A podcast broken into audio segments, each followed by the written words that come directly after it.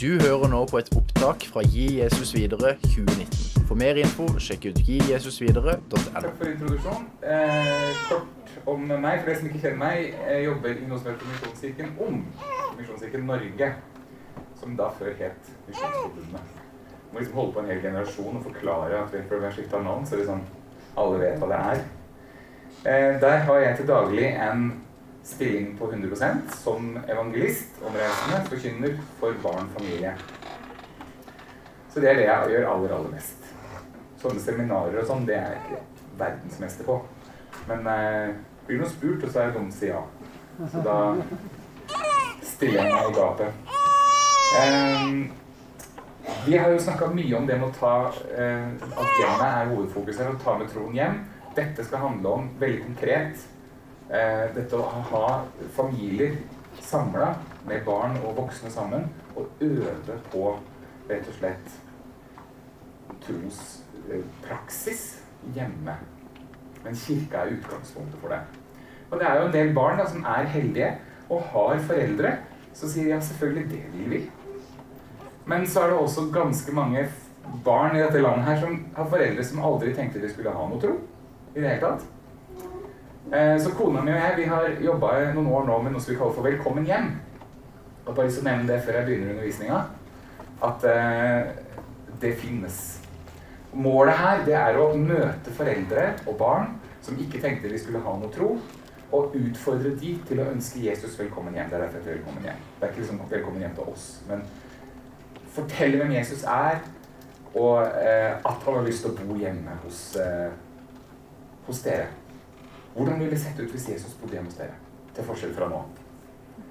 Så det opplegget vi har, det ser sånn her ut.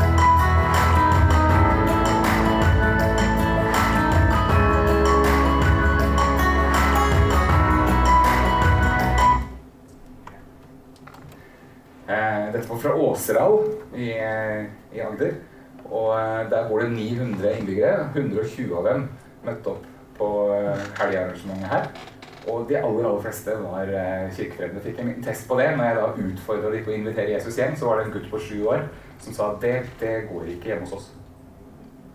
Han sa det, veldig, han sa det høyt liksom i selve samlinga.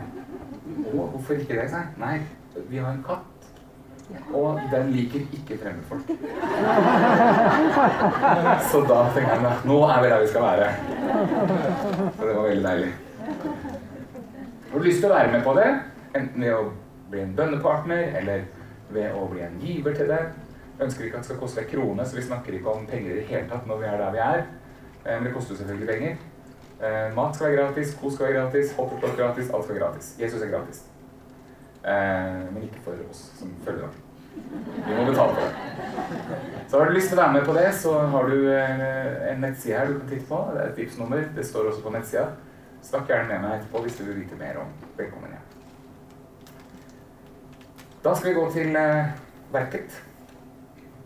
Jeg er så heldig at når det gjelder levende tro, som eh, vi har kalt det, trosopplæringsplattforma vår, så samarbeider vi eh, disse tre organisasjonene sammen om levende tro. Og utarbeider materiell og veksler erfaringer. Veldig deilig, og ikke så aleine. Så Fribud, Frikirkens barndomsarbeid, Baptist- Ung Baptist og Misjonskirken står sammen. Så det som jeg presenterer nå, det er egentlig en fellespakker fellespakke fra, fra oss. Det første jeg har lyst til å spørre dere om, og som jeg har lyst til å få noe svar på fra dere, det er Hvis du tenker hva du må ha som på en måte et slags pulsslag for troen din Vi har jo alle pulsslag som holder oss i live. Jeg har et hjerte som slår, derfor står jeg her og lever. Hadde ikke gjort det, så hadde jeg ramla sammen som en sekk. Eh, og sånn er det i det åndelige livet også. Og hva slags pulsslag er det du kjenner at du må ha en gang om dagen, en gang i uka, en gang i måneden, kanskje en gang i året, men med jevne mellomrom, for at troen din skal vokse og, og leve, og ikke dø? Er det sånne faste ting du gjør? Det må jeg ha. Enten hver dag eller Fellesskap? Du må ha fellesskap med, med hvem da? Med andre kristne.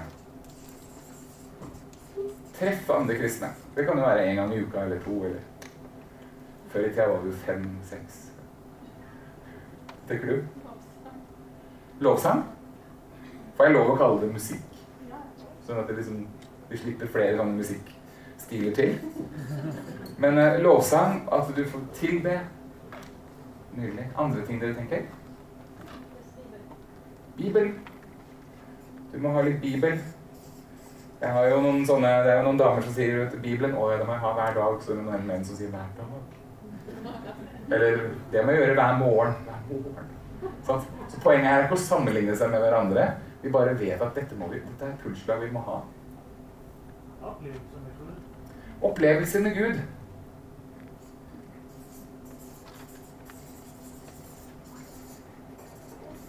Kjempeviktig. Det kan jo ligge både i fellesskapet og i Bibelen og i musikken, det. Selvfølgelig. Vi får det andre. En tjeneste. Du har ikke lyst til å bare sitte på rumpa? Kjempebra. Andre ting? Undervisning. Hvis jeg kan det gå litt inn i her Bibel og fellesskap-potten? For å samle det litt i potter? Bønn. Og da er det full liste her. Kunne, vi kunne sikkert fortsatt kjempelenge, og, mange, og vi er jo som sagt forskjellige. Eh, men det som dere har kommet med der, her, det var jo ikke akkurat en overraskelse. Så vi lager en pulskalender som dette her, så er det det folk sier. Da kunne jeg lekt profet, men eh, det skal jeg ikke gjøre. Men dere er ikke aleine om å si dette, for å si det sånn. Så hvis dette er en mandag, tirsdag, onsdag, torsdag, fredag, lørdag, søndag-sak, og du har en liten sånn, er systematiker og liker det, så kan du sette dette i et system. Jeg har lagd en mannekalender her, da.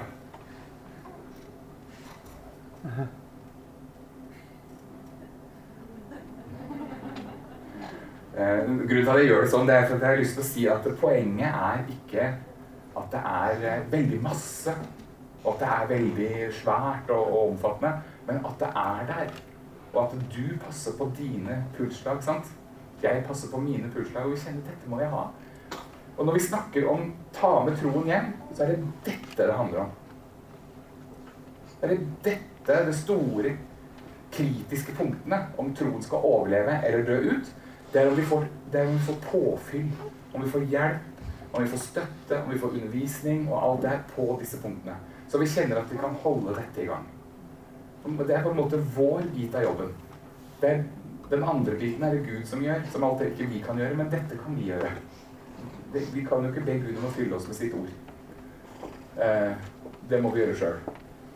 Vi kan ta initiativ til bønn. Gud har alltid tatt initiativ. Fellesskap må vi oppsøke sjøl. Tjeneste. Og så når vi tenker at vi ønsker, og vi skjønner, at barna våre er nødt til å arve dette Det er antagelig akkurat det samme for dem. Det er dette som må leve. Den dagen vi slipper tak på dem, den dagen de ikke er sammen med oss lenger, og vi har den daglige påvirkningen, så er det disse rytmene som må være der. Og de barna som er så heldige at de har foreldre som har disse rytmene allerede i livet sitt, de er i utgangspunktet lottovinnere. Men så vet vi det, at selv om vi har disse pulslagene, så arves de ofte ikke allikevel. Så vi får det, det blir ikke implementert i hverdagen og i hjemmet. Så vi ønsker at sønnen vår skal lære å be, men vi kan liksom ikke ringe opp til den på eh, Evjemoen eller hvor de havner i militæret, og si 'Har du bedt i dag?' Det, det, det, må skje før det. Så her må disse pulsslagene de på en måte settes i gang i hjemmet vårt. Og i stor grad så, så skjer ikke det. Eh, Svært få. Dette er en undersøkelse gjort av Search Institute, eh, gjort i USA. Men vi vet at Norge og Skandinavia er lenger langt foran USA i denne utviklinga. Svært få har sånne fastelige åndelige rutiner hjemme. Selv om dette er kristne hjem. Det den undersøkelsen er gjort i. Mindre enn 10 ber hjemme. Så, så, vi kan ikke regne med at det fortsetter hvis ikke det skjer hjemme. Mindre enn 10% snakker om møter og gudstjenester når de kommer hjem fra møter og gudstjenester. Så det blir i kirka. Det blir ikke med hjem. Og vi overlater trosopplæringa i stor grad til andre profesjonelle. Det er liksom sånn som meg, eller søndagsskolelærere og andre. Du bare sett meg hjemme, du. Du bare Tør jeg overlate den ungen min til han? Han tør jo ikke be hjemme sjøl engang. Og det er sannheten. Jeg jobber dette hjemme på, på hjemmebane og tørre å ta initiativet. At det er jeg som bryter isen. At det er jeg som sier 'skal vi lese, skal vi be'. Det er ikke så. Sett meg foran tusen. Jeg snakker gjerne høyt og lenge. Sett meg foran fire. Jeg blir stille som en østers. Mange menn pappaer kjenner seg igjen i det. Og den verste av alt, da. Voksne kristne er mer opptatt av sin egen vekst enn av barn og unges vekst. Det er jo en ukultur. Og alt dette her kan vi snu. Er ikke det så bra? Men vi slipper å gjøre det aleine. Det er jo det som er fantastisk. Vi har menighetens fellesskap. Vi har kirka. Vi har storfamilien som kan hjelpe oss til å snu disse trendene. Ikke minst den første her. Skal vi se at det skjer seinere i livet, så må det skje hjemme også. De som har undersøkt det, de som spør eh, unge mennesker som har, hvem som har hatt størst innflytelse på dem, rent sånn åndelig, hva tror du svaret hvem er det som stikker av med seieren? Ja, det er mamma. Men så kommer pappa på en god andreplass. Og så har vi øvrig familie på tredjeplass. I USA så er det faktisk kirka som er på tredjeplass. Enn så lenge. Men hos oss er det de nære relasjonene hele tiden som teller mest.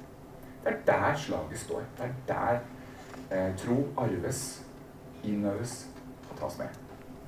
Og så er det da bare, de, Av de spurte så er det bare 28% som sier at de faktisk har en sånn åndelig dialog med mor. Og bare 13 med far. Og der har du det der med at det, det skjer i kirka, men det, vi får ikke med oss hjem. Eh, og det er jo en strategi. Jeg, jeg tror på en åndelig verden. Jeg tror at det, det, er lett å glemme når vi sitter på en sånn konferanse som dette her. Så kan vi liksom tenke at eh, Stakkars Gud hvis ikke vi hadde hatt disse planene. Stakkars Gud hvis ikke vi hadde hatt den konferansen. Hva skulle han gjort da? Stakkars Gud hvis ikke vi hadde en strategi. Nei da. Gud har ingen problemer. Gud er Gud om alle mann var øde, som han sa. Og jeg kan tenke at uh, Gud liksom trenger dette, men han trenger ingenting. Det er vi som trenger planene. Det er vi som trenger strategien. Det er vi som trenger påminnelsen. Det står ikke på Gud. Så dette, alt dette er for oss. Men vi har en fiende også, som heter djevelen. Som, som kanskje har endra strategi. Før så var det det å angripe Kirken generelt. Men nå trekkes hvert hjem ut. Og der er det mye lettere å knekke. Kanskje hele fellesskapet er vanskelig å knekke, men én og én familie er vanskelig å knekke prosentandelen som da tar veien ut av troen, er oppe i 90 av de som har vokst opp i kristne hjem og kirkelige aktiviteter. Mange av dere har hørt denne statistikken før, men det er utgangspunktet for det som dere skal høre om her. Men vi kan gjøre noe med det, og vi bør gjøre noe med det, vi bør ta tak i det.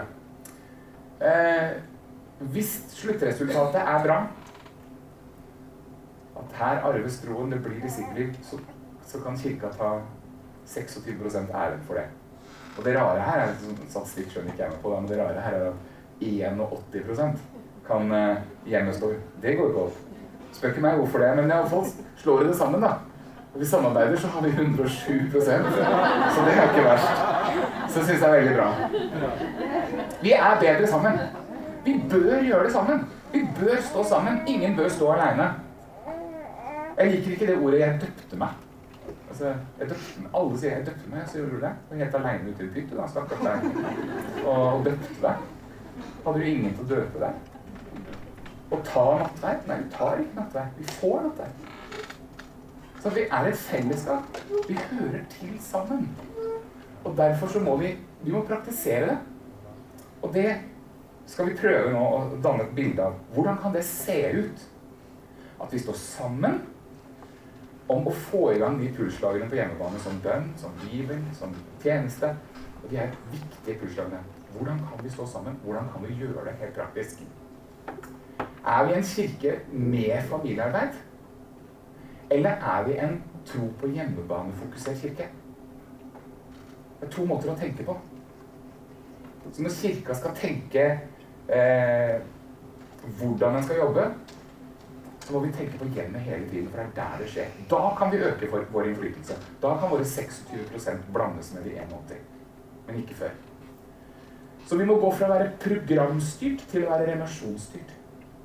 Vi må satse på de gode relasjonene, og vi må bygge nye relasjoner. For det er mellom nære relasjoner at tro smitter, at tro eh, og som et pulsslag smitter og arves. Så hvis vi er veldig programstyrt og gudstjenesten og hva, hva, hva, så blir vi kirka vår. Er vi relasjonsstyrt, så tvinges vi til å tenke hjem. Hvordan gjeninnsette hjemmet som hovedsete for vår tro skapes og utvikles? Det er et godt spørsmål. Og uh, vi har uh, prøvd å lage strategier og ting på det. Dette er et uh, Vi kaller det for det. Et systematisert Vi delte inn på en måte livet fra null år og opp til sånn 20-25 pluss i faser, fem faser. Og vi, har, vi er veldig stolte av dette her. Vi har laget en serie med kort, sånn fasekort, som har komprimert på en måte det aller, aller, aller viktigste i forhold til å arve tro i den fasen. Og da er det med tanke på hva du som mamma, pappa, onkel og tante og fadder kan gjøre i den fasen. Hva er det du trenger å fokusere på? Hva er det du trenger å på en måte sette lyset på? For vi behøver ikke å sette lyset på alt. Alt i Bibelen er viktig, men ikke alt er like viktig til enhver tid. Hva er viktigst nå? Og det skal disse kortene prøve å hjelpe til med. Det er ikke noe fasit, men det er et hjelpemiddel nå skal dere få hilse på Margot i Oslo misjonskirke Betlehem, som, eh, som, bruker disse fasekortene aktivt hjemme i, eh, i kirka si når hun snakker med foreldre. Skal vi se om vi får dem over til dere her. Hvor er pila? Da lytter vi litt på Margot.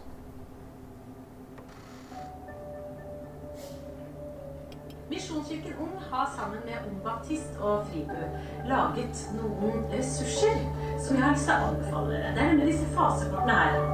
De er til utrolig god hjelp i det å møte foreldrene der de er. Eh, enten de er foreldre til en toåring i trass eller til en 18-åring som er i ferd med å flytte ut. Hvis jeg er i eh, samtale med foreldre i barnevisignelse, barnedåp, så pleier jeg å ta med den her. Fasen 0 til 5 år, som handler om å omfavne barnet. Og snakke ut ifra den fasen så tror jeg at da foreldrene opplever at kirka er relevant, kirka er opptatt av det jeg er opptatt av, og her har man mulighet til å snakke litt ut ifra hva er det som er viktig i den fasen som ditt barn er i nå. Og hva er det dere ønsker å investere i? Hva er det dere ønsker skal prege deres hjem?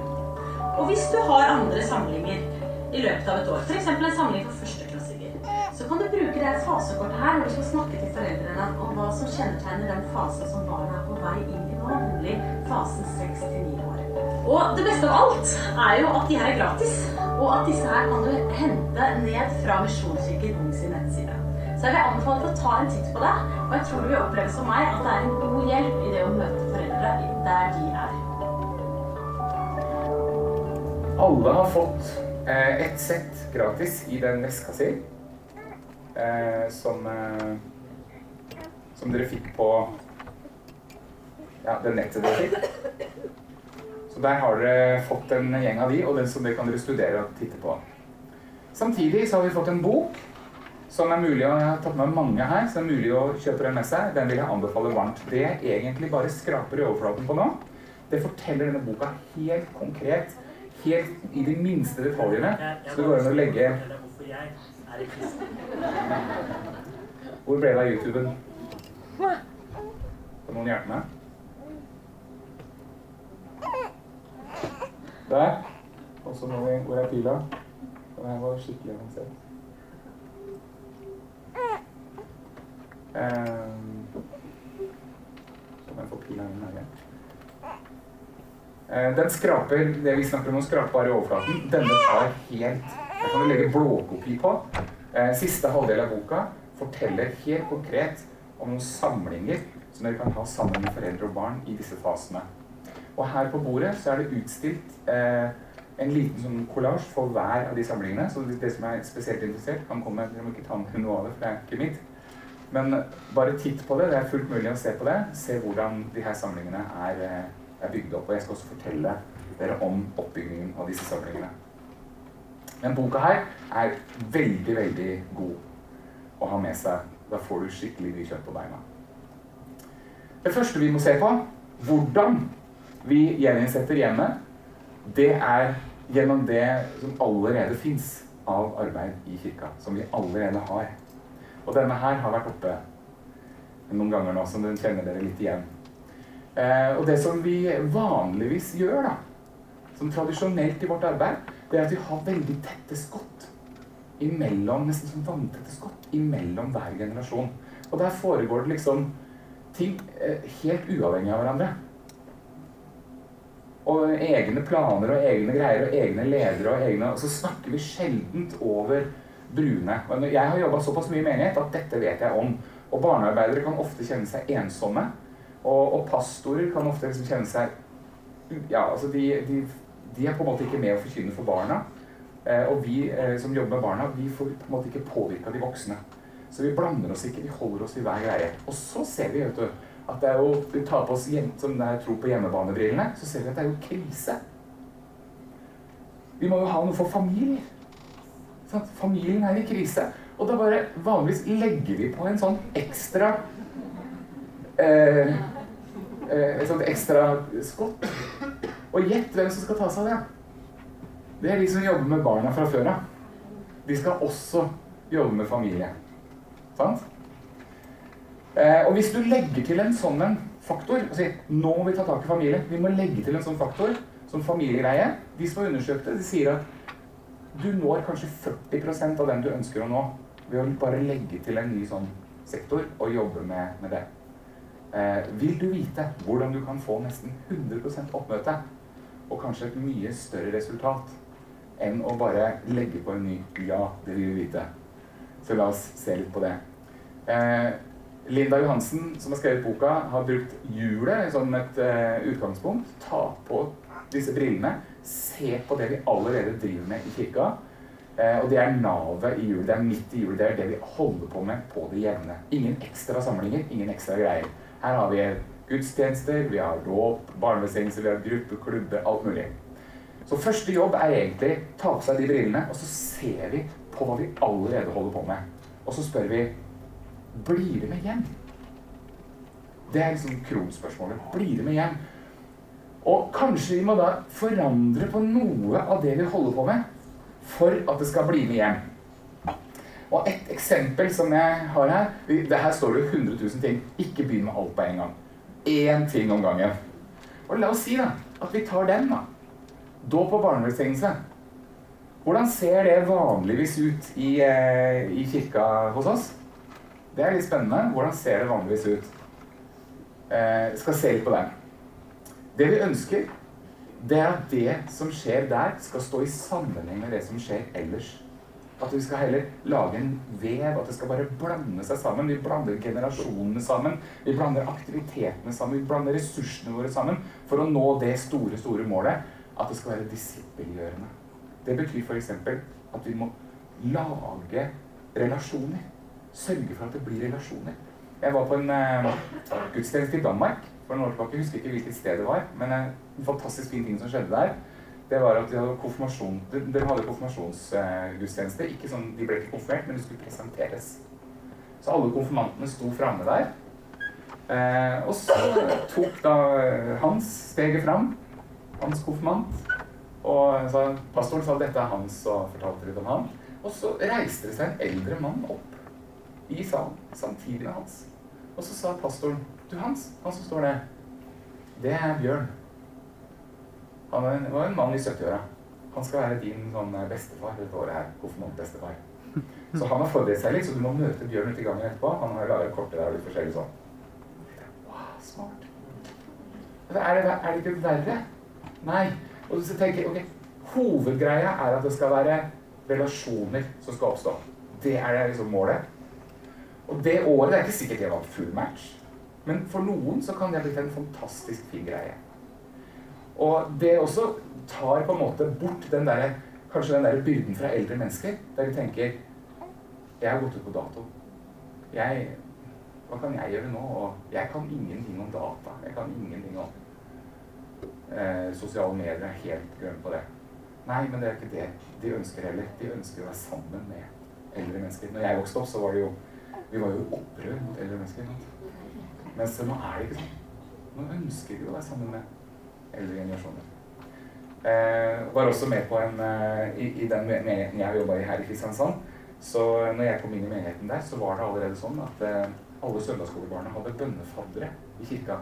I form av at de hadde et uh, laminert kort med bilde av søndagsskolebarnet og så et navn. Og så fikk de den, de som hadde lyst til å ha.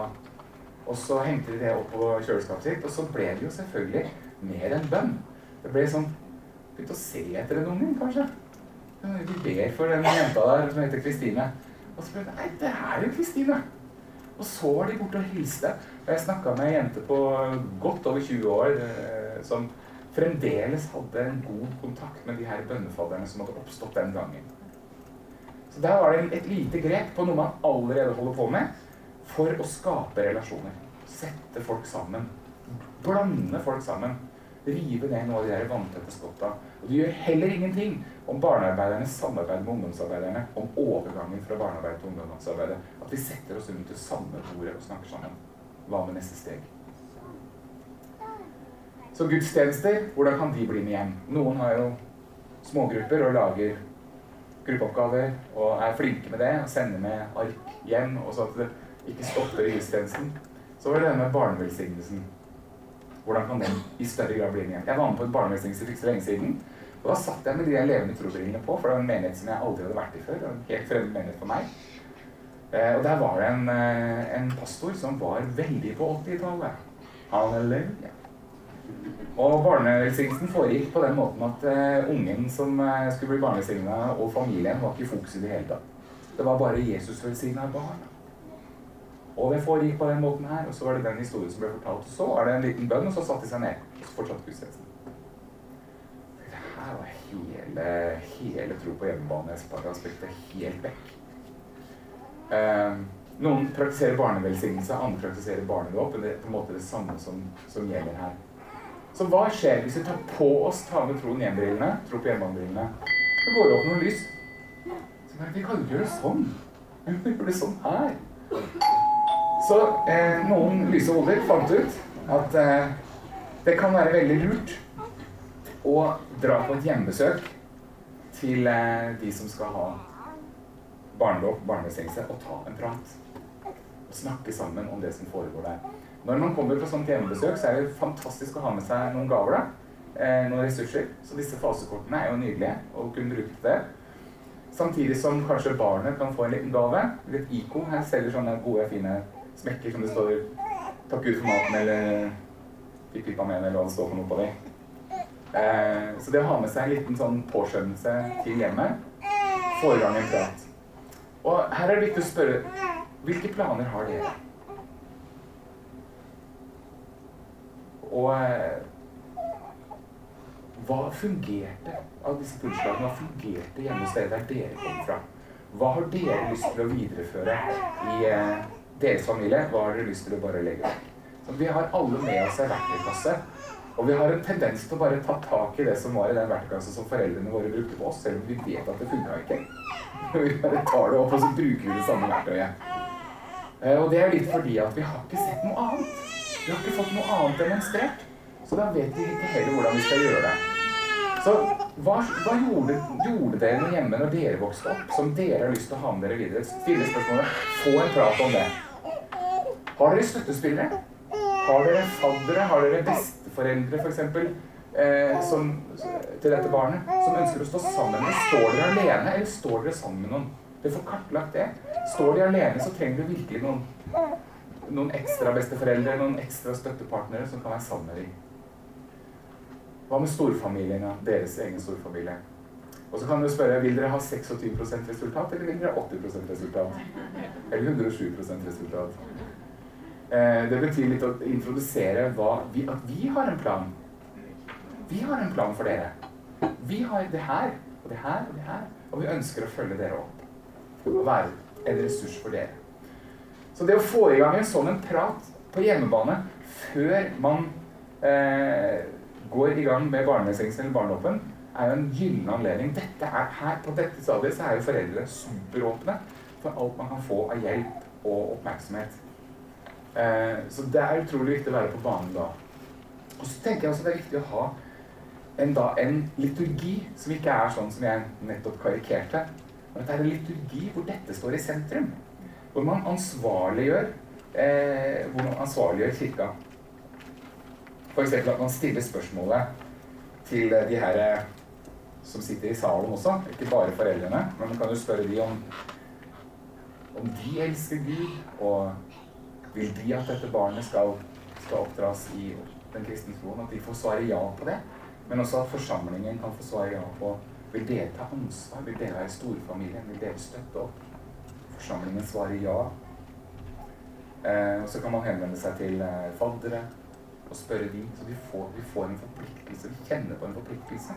At dette er det som, som, vi skal forplikte oss på i forhold til denne nye, flotte skapningen som er kommet. Så da blir hele greia litt annerledes enn den ville vært hvis ikke vi hadde hatt disse brillene på. Her er det også noen som har begynt å dele ut et glass med klinkekuler på dette tidspunktet. 216 klinkekuler, som er én klinkekule for hver måned fram til barnet nå er 18 år. Og poenget her, det er jo Det står her 'lær meg å telle mine dager, så vi kan få visdom i hjertet'. står det på glasset. Det er jo på en måte å ta ut en klinkekule for hver måned og være seg bevisst på at dette er dette vinduet av tid som vi har fått. Eh, og, og det skal ikke gi deg panikk. For vi skal stå sammen med deg. Vi skal hjelpe deg, vi skal være til stede. Så disse kulene de må legges opp i et annet glass som står ved siden av. Der hvor alle skattene er samla. At dette er det vi har investert her. Her ligger det masse bra. Mens dette er den tida vi har, så ser det ut som det synker mer og mer. Og, ikke sant? Etter hvert som tida går. Sammen med det så har vi i barnesengssammenheng så har vi ofte gitt barna en barnebibel. Men hvem er det som trenger litteratur på dette tidspunktet her? Er det barnet? Nei, så når du får liksom disse brillene på, så er det naturlig at man gir foreldrene en ressurs. En bok eller et tilbud av noen slag. Så foreldrene står i fokus på det at de får hjelp. Ser dere det? En litt annen fokus gjennom at eh, vi har tatt på oss ta med troen hjem-brillene. På noe vi vanligvis holder på med. Og så har vi søndagsskole. Og så har vi ledere forhold til konfirmasjon, vi har ledere i forhold til søndagsskole osv. Alt dette her skjer hele tiden. Og vi må, vi må, bare ha disse brillene på og spørre blir det med hjem. Blir det med hjem? Blir det disippelliv av det? Settes noe i gang? Dette er verdiløst hvis det er bare ord. Det må bli handling. Er dere med så langt? Så bra. Så vi benytter hver anledning til å utruste hjemmet og knytte relasjoner. Fins mange gode eksempler på det. Det er bare fantasien som begrenser. Da skal vi se litt på eh, det, var, var navet. Skal vi se litt på eikene. Eikene i dette hjulet, det er alderstilpassa samlinger for barn, unge og foreldre sammen.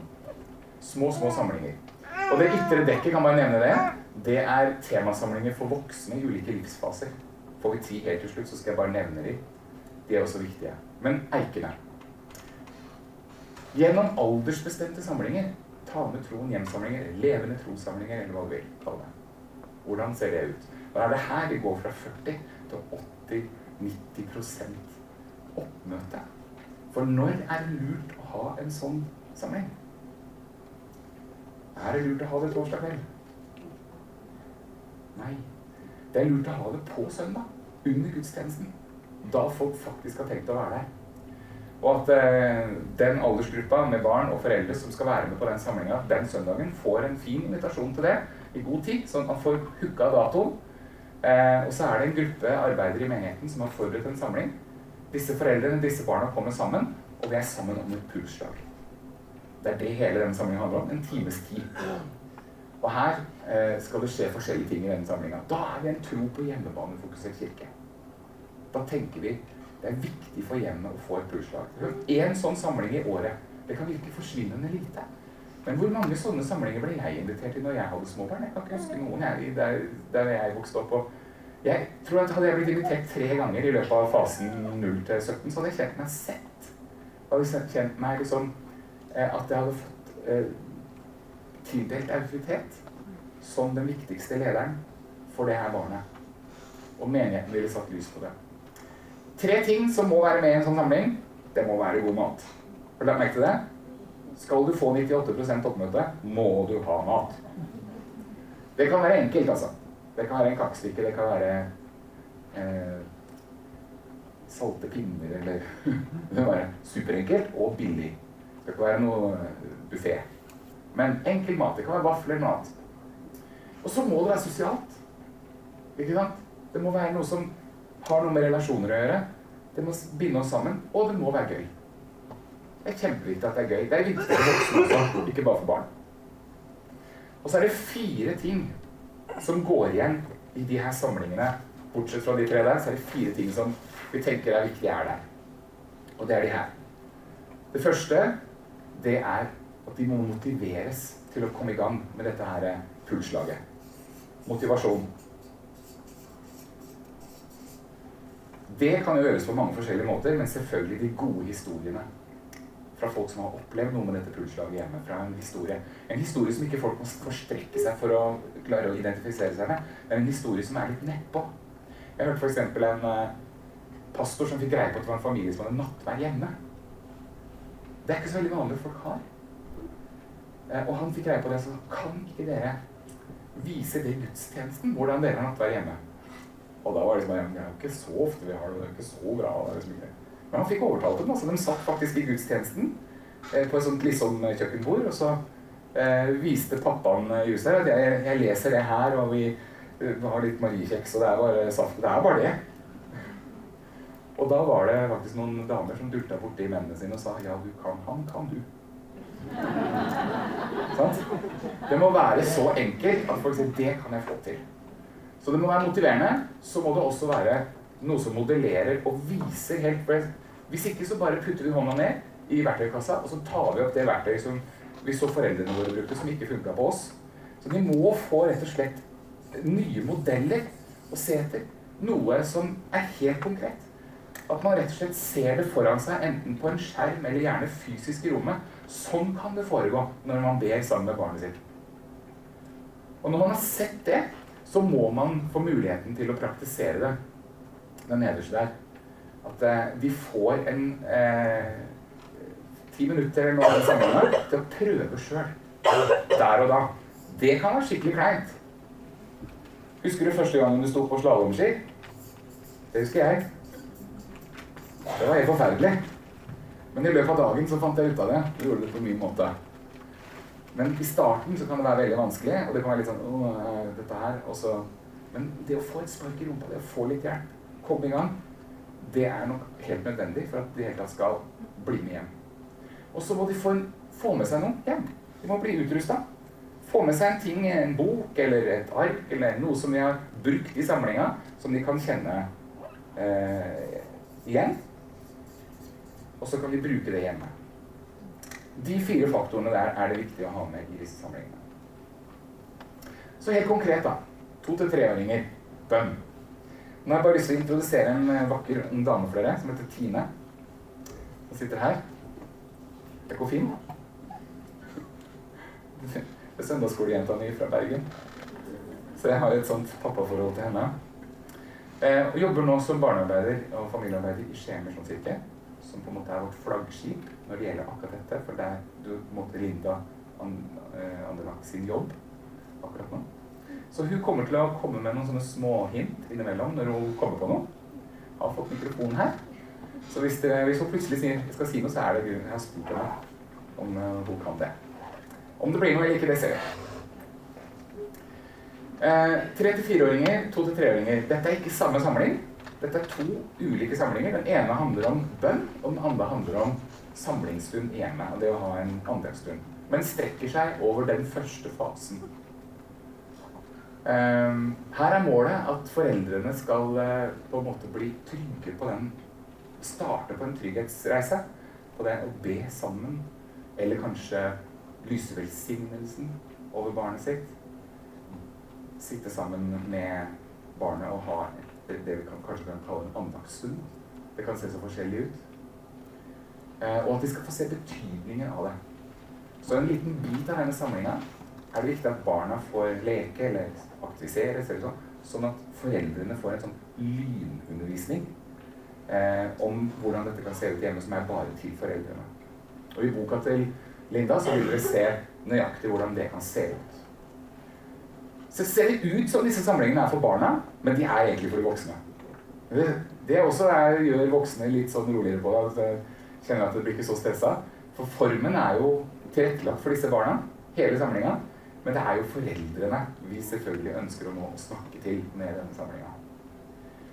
Her er det viktig med gode historier. Sånn her har vi bedt hjemme sammen. Sånn her har vi gjort det var veldig fint. Og sånn fungerte det hos oss. Kan vi ape etter? Kan vi ta etter? Få konkrete eksempler som modellerer. Eh, jeg hørte bl.a. om en pappa som fortalte at han hadde den vanlige sangen for barnet sitt. Ti år gammelt barn eh, på kvelden.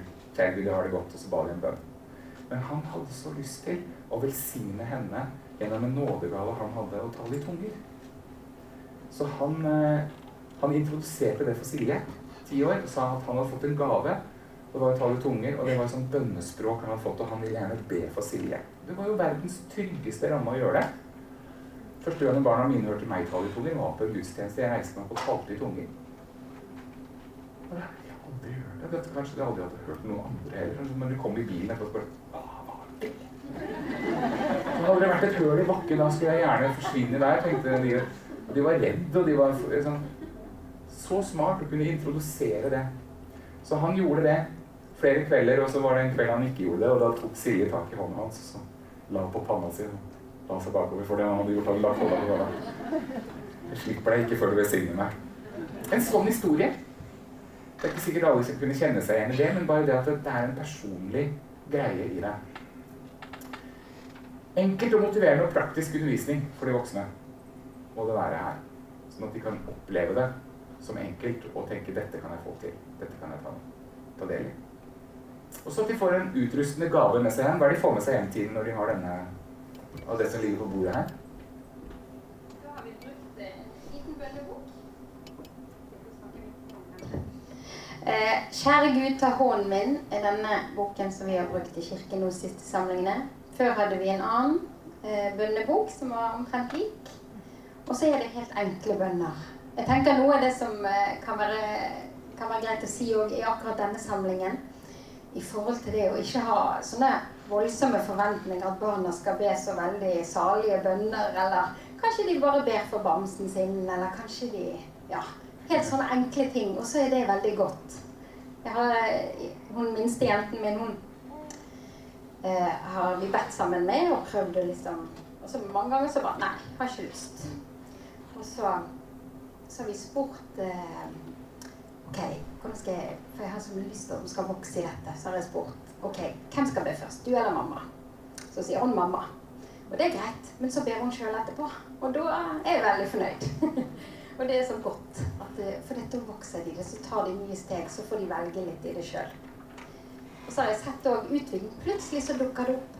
Har du vært i besøk sammen med noen, og der var det en babygutt som var syk. Som hun rett og slett Jeg hadde ikke snakket med henne om det i det hele tatt. Men det registrerte hun at denne gutten var syk. Og så når vi skulle be om kvelden en periode Hun traff ham bare én gang, for det var i Bergen, og vi bor i Skien. Så fortsatte hun å be uke etter uke for denne gutten, som hun kunne bare det navnet på. Og så tenker jeg, å, De har et sånt forhold, og de har en sånn levende tro. Og det å kunne se det i dem, og ikke ha forventning at det skal være så voldsomt, men tenke at det, ja, det begynner i det små, og så har de et levende forhold til Gud og ting som ligger på hjertet deres, så de kan be. Og det er den boka de får med seg hjem. Den får de med seg hjem. Mm. Mm. Og det at når du gir et sånt redskap med deg hjem, så sier du samtidig dette tar vi på alvor. Og dette er viktig for oss. Eh, vi tar dere på alvor. Her har dere en ressurs, her har dere en samling. Eh, en liten filmsnutt om eh, den eh, hva heter det for noe, eh, praktiserende delen av samlinga. Der man da setter seg ned med sitt barn, og det som Linda forteller, i hvert fall, det er at det oppstår en liten sånn boble rundt hver familie som er der. Eh, og eh, det kan se sånn ut.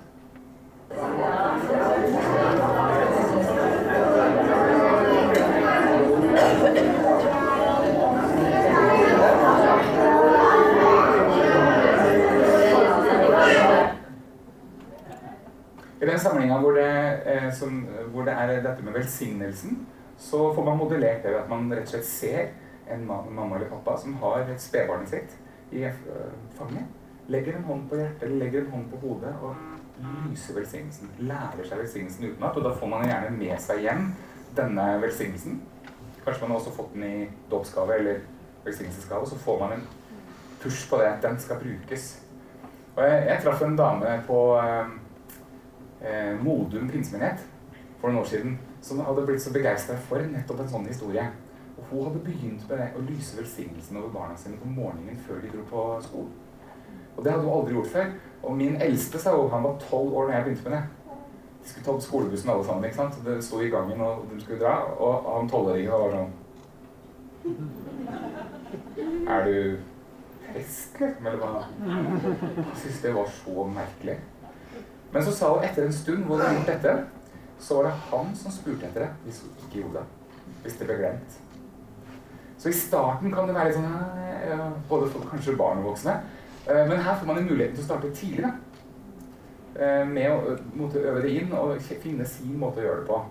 Og kjenne seg trygg på. Så vet man også at det er ikke bare jeg som gjør dette her. Alle de andre satt også og gjorde det. Og det er en god ting. Førsteklassefest har jeg eh, vært med på å oppleve eh, sjøl. Nei, det var bibelfest jeg var med på å oppleve. Førsteklassefest har jeg ikke opplevd sjøl. Men eh, der er samme greia. Barna som begynner i første klasse, de eh, har For noen år siden så ble det skrevet en bok som heter 'Ett år, to barn, tre venner', som i Misjonskirken Norge blir brukt som eh, førsteklassegaven, eller gaven som de får. Dette er om to førsteklassinger som eh, opplever eh, det førsteklassinger gjør i livet. Og så blir dette med gudsforholdet trukket inn gjennom Fru Fjell, som kommer her med vafler og visdom.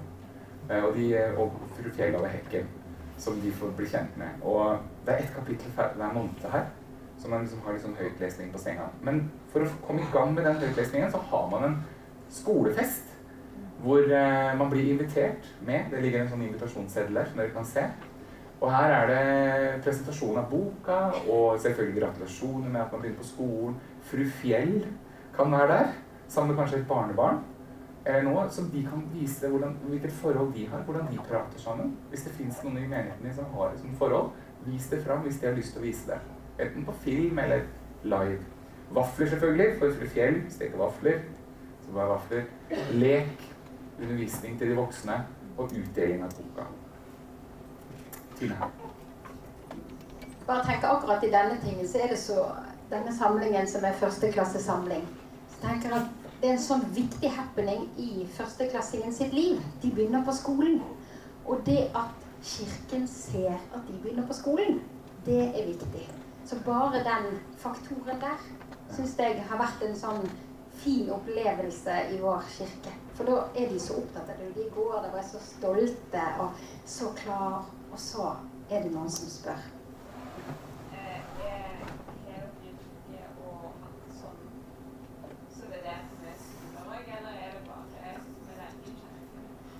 Vi har bare gjort det i kirken. Da har vi invitert de som er i arbeidet, til en sånn uh, første Og det kan jo være, det kan være bare to stykker. Ja, Men allikevel så er det verdt å feste for det.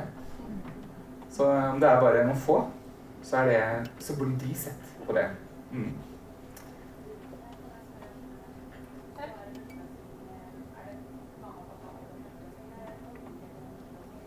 Du spør om det er mamma og pappa bare, eller om det er hele familien og førsteklassingen. Vi har hatt bare foreldre, eller en foresatte har de tatt med stort sett. Noen ganger har det vært begge deler, både begge to som møter opp. Det er jo helt supert. Nei, det er ikke søsken med, hvis ikke de har vært bitte små, da. Dette er jo også samtidig med søndagsskolen, sånn at kan, de andre barna som ikke dette gjelder, er ofte på søndagsskolen, i hvert fall i dette tilfellet. Mm. Mm, hvis man har en søndagsskole som går samtidig. Det er selvfølgelig fullt mulig å gjøre dette også på en annen dag, men det er selvfølgelig å anbefale når man først er der, for å gjøre det enkelt, å bruke søndagen. Eh, Syv-åtteåringer, det å ta dem på alvor allerede her nå og vite at de har utrustning, de har noe å bidra med, de har noe å gi, og det å kunne oppleve at de kan få eh, bruke sine evner og sine gaver i kirka eller i hverdagen, det å bli oppmerksom på det. Så denne samlinga handler om å bli oppmerksom på det at jeg har fått både naturgaver og nådegaver fra Gud. Eh, og jeg kan bruke dette i hverdagen blant venner, familie, og jeg kan bruke det i kirka. Eh, og det fins også en sånn liten liste der man kan nesten, nesten krysse av ting jeg har lyst til å gjøre i kirka. Være vakt på julaften, eller eh, hjelpe til med kirkekaffen, eller andre ting. Eller kanskje bidra i lovsangstime. Det verste jeg veit, er sånne familiemøter hvor alle barna skal opp og synge. Kom igjen nå, Frank, du vil! Og så vil jo ikke Frank. Så tenk om vi hadde gjort det med de voksne. Men de som faktisk har lyst, og kanskje har fått en gave der Og det er jo der at vi hele tiden kalles, fra å være, fra å være programorientert til å være relasjonsorientert. Så det gjelder å se den enkelte og den gaveutrustningen den enkelte har. Men at også den enkelte kan få muligheten til å si 'Jeg har lyst til å gjøre det. Jeg har lyst til å gjøre sånn. Jeg har lyst til å være med der'. Jeg har hørt mange som har sagt 'Hadde det ikke vært for bassen, så hadde jeg ikke vært frelst'. Hadde det ikke vært for at jeg hadde den oppgaven eller den tingen, så hadde jeg ikke vært hos Gud nå. Så jeg vet at eh, i eh, deres menighet så har de leder-T-skjorter i størrelse fire år eller noe. To til fire år. Sant? Kjempespennende. Ja. I den alderen òg så hadde vi på de gruppene sånne samtaler der eh, Da var jeg mamma jeg var på den gruppen der og hadde min datter på fanget, og så skulle vi si ting som vi syntes de var flinke til, og ting de gjør. Og, Den gode stolen. Ja, det kan godt være at det kaltes det. Og, Ja. det var en sånn god opplevelse av å eh, Av å kunne sitte en sånn, og så er det åh, nå kan jeg få den, det rommet der det er At jeg kan få lov til å si mange ting som jeg syns at du er så god til det. Og det er så kjekt når du gjør sånn. Det betyr noe for andre som er rundt deg. Og at vi kan oppmuntre og få en sånn anledning og gir og familien anledning til å si sånn til hverandre. Og hun sa det, hun som ledet den samlingen, at oh, det å se de Apropos sånne bobler som det blir Akkurat som de sitter i et sånt egen og se den kontakten mellom foreldrene og barna i det som de møter hverandre på. I det. Det var nydelig. Mm. Jeg hopper over en liten film her. Det var ikke så Den var fin hvis jeg hadde tid. Tiåringer, bibelfest. Mitt eget første Nytestamentet. Eh, Twins-bibelen. Hverdagsbibelen, som den eh, oversettelsen heter. Eh, det å sette seg ned og få hjelp til å ta den i bruk. Eh, faktisk så hørte jeg en historie fra en menighet, det var ikke deres menighet, men det var en annen menighet, som hadde vanligvis denne tradisjonen når de delte ut bibler. Det var at eh, barna kom på en gudstjeneste og var invitert til å få bibel. Rundt den alderen her. Ble invitert fram opp på scenen, fikk en bibel. Det sto navnet i bibelen. Og når eh, seansen var over, ganske kjapt, så satte de bibelen i et klassesett som søndagsskolelæreren tok med seg ned på søndagsskolen. For den skulle du bruke. den. Så tok de på seg levende trobrillene og spurte de kan jo ikke, de må jo ha med hjem. De må jo stå her nede. Men det er jo ikke dermed sagt at man da er, liksom bare begynner å bruke den. Så da lagde de en sånn samling for dette. Og det en ting de gjorde, da, det var at de tok, noen, eh, tok eh, og spurte noen eldre mennesker som hadde gamle bibler med masse understrekninger i, og sånn bilder fra 50-tallet og sånne søndagsskolekort og sånn. Så satt det en gjeng med sånne eldre folk, tok imot eh, foreldrene og barna når de kom, og så fikk ungene se i deres bibler. Og det var en gutt som sa 'Pappa, sånn er ikke din bibel'. Eh, og så eh, kjente de eldre at 'Oi, jeg har ikke gått ut på dato'. Jeg er interessant. Eh, og så stakk barna og lagde, dekorerte en liten veske som de skulle ha Bibelen i. Sånn at de skulle ha med seg hjem, men selvfølgelig også ha med seg på søndagsskolen. Så det, mens de drev og eh, dekorerte den, så var det en av de eldre som fortalte de voksne, for å inspirere, motivere, at han hadde en far som hadde skrevet en hilsen i sin bibel. Og så døde hans far ganske kort tid etter det. Så det var liksom det flotteste han hadde til faren sin. Og så lå biblene klare, og så skulle de skrive. Og da skrev de ikke bare 'Lykke til, Jonny', altså. liksom pappa. Da skrev de Da var de inspirert. Så kom søndagen etterpå, og da ble Bibelen delt ut. Sånn at det, og gjerne en av foreldrene eller noen andre voksne ble med opp og først fikk Bibelen, og så ga Bibelen til, til barnet. Så Sånn kan det forandre seg bare med å få på seg et par briller og se dette kan vi gjøre noe annerledes ut av. En liten vri i forhold til hva vi gjorde før. Ligner nok litt på det som de også har her, men her er det konkurranser og stafetter og bibelvers som skal henges opp på veggen. Johannes 3, 16 ligger strødd ut i masse småord. Det løpes fram og tilbake for å henge opp de riktige orda, og førstemann ferdig, og det deles ut kjærligheter, og det er eh, gøy. Og jeg har vært med på denne, på denne samlinga sjøl også. Og så er det dette å sette seg ned sammen og kanskje finne Johannes 3, 16. Streke under. Denne boka skal du klusse i. Denne boka skal du bruke. Her skal du streke under. Få med seg en liten sånn bibelmiks hjem hvor det står sentrale bibelvers.